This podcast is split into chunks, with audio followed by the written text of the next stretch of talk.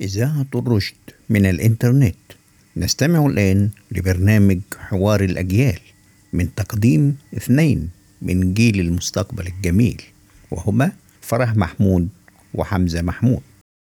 هاي جايز أهلا بيكم من الحلقة الأولى من برنامج حوار الأجيال. هذا البرنامج من تقديم فرح محمود و حمزة محمود. سؤال الحلقة النهارده بيدور ليه ناس أحسن من ناس؟ وسؤال الحلقة النهارده هيقدمه حمزة محمود. ليه ربنا خلق ناس أحسن من ناس؟ وليه ربنا خلق بلد أحسن من بلد؟ ويسرنا نرحب بضيف النهارده هو اللي هيجاوب على أسئلتنا. وهو جدو حليم. هاي جايز هاي حمزة. هاي فرح. سعيد جدا إن أنتوا استقبلتوني النهاردة واستضفتوني. في برنامجكم الجميل حوار الأجيال.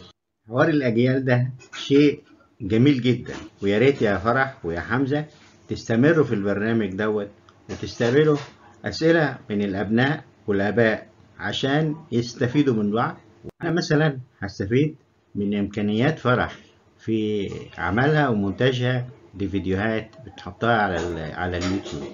وكمان هستفيد من إمكانيات حمزة من الأسئلة الجميلة. دلوقتي نيجي لموضوع الحلقة والسؤال الجميل اللي سأله حمزة ليه ربنا خلق ناس أحسن منا في الحقيقة إحنا عايزين نغير المفهوم دوت.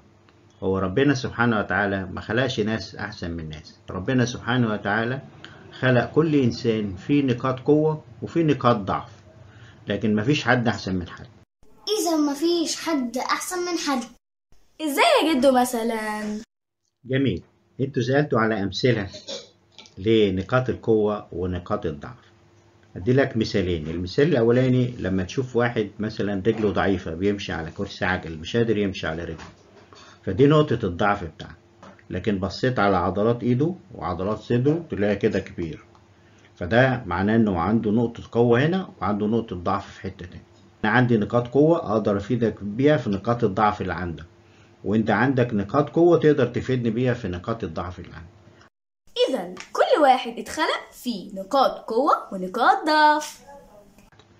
ولما تعرف نقاط الضعف بتاعتك تقدر تطلب فيها مساعدة من أخوك أو من زميلك أو من صديقك. ممكن يا جدو تدينا أمثلة؟ هديك مثال تاني جميل أوي دي قصة حقيقية. كان في سوريا بيت عايش فيه واحد رجله كانت مشلولة ونفس البيت ده عايش فيه واحد آه، شاب شديد بس أعمى. كان القزم ده يركب على كتف الراجل الأعمى. ودي صورتهم المشلول ماشي على كتف الكفيف والكفيف بيبصر الطريق بعين المشلول.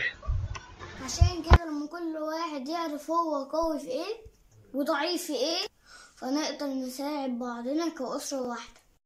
لكن إزاي يا جدو كل واحد يكتشف نقاط الضعف والقوة فيه؟ برافو عليك يا فرح. إزاي نكتشف نقاط ضعفنا وقوتنا؟ طبعا الشخص اللي نقاط ضعفه ظاهرة له ولغيره ده إنسان محظوظ لأنه بيكتشفها من بدري. وبالتالي الإنسان ده من بدري بيعرف يحدد هو محتاج إيه من غيره ويقدر يفيد غيره بإيه. صحيح. أيوة صح. وطبعا الإنسان اللي غير محظوظ هو اللي مش بيعرف يكتشف نقاط ضعفه لأنها غير ظاهرة. مثال ذلك إن نقطة الضعف فيك تبقى مثلا عندك مفاهيم غلط أو تصرفاتك غلط وما أنتش داري إن ده غلط وده غلط. عشان كده دي ممكن تبقى إجابة على السؤال. عاوز تكتشف نقاط ضعفك إزاي؟ حاول تستمع للي بينصحك إن مفاهيمك دي غلط حاول تصلحها. على سبيل المثال حاول ما تكونش سريع الغضب. آه، حاول تفكر قبل ما تتصرف. حاول تحسب نتيجة التصرف بتاعك. أيوان أيوان. ومن أدوات اكتشاف نقاط القوة بتاعتك التعلم القراءة الاستماع لنصيحة الغير. ليه جد ربنا خلق بلد حلوة زي الغردقة؟ بلد وحشة وبلد حلوة. سؤال جميل أوي يا حمزة. حمزة راح الغردقة وشافها جميلة جدا وش- وراح شرم الشيخ وشافها جميلة جدا. فبيسأل ليه ربنا خلق بلاد جميلة؟ وخلق بلاد وحشة. هو الحقيقة ربنا ما خلقش بلاد جميلة وبلاد وحشة. إنما الناس اللي ساكنينها أو اللي مسؤولين عنها وبيخلوها وحشة أو حلوة. مثلا البلاد المتقدمة اللي بره زي أمريكا وأوروبا وحتى في الغردقة وفي شرم الشيخ. إيه الفرق بينها وبين البلاد الوحشة؟ حاجتين بس. النظام والنظافة طبعا قبل ده وده في ناس بنوا المدن دي وبنوها بتخطيط خلوها بلاد جميلة هم بيبنوها. والبلاد الوحشة في ناس تانية بيبنوا فيها بأي طريقة. يعني إذا مفيش بلد أوحش من بلد أو بلد أحسن من بلد لكن في بلد سكانها بيعملوا حاجات تخليها بلد حلوة وفي بلاد أخرى أو بلد تانية الناس بتعمل حاجات وحشة أو سكانها بتعمل حاجات وحشة فبيخلوها وحشة. نهاية الحلقة نقدر نقول إن في عندنا مفاهيم اتصحت إن مفيش حد أحسن من حد أو مفيش بلد أحسن من بلد.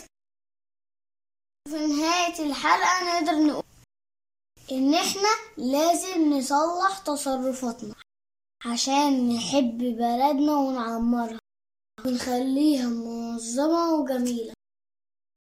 الآن وصلنا لنهاية الفيديو وإلى اللقاء يا أصدقاء. وإلى اللقاء في حلقة جديدة من برنامج حوار الأجيال. استمعنا الآن لبرنامج حوار الأجيال من تقديم فرح محمود وحمزة محمود.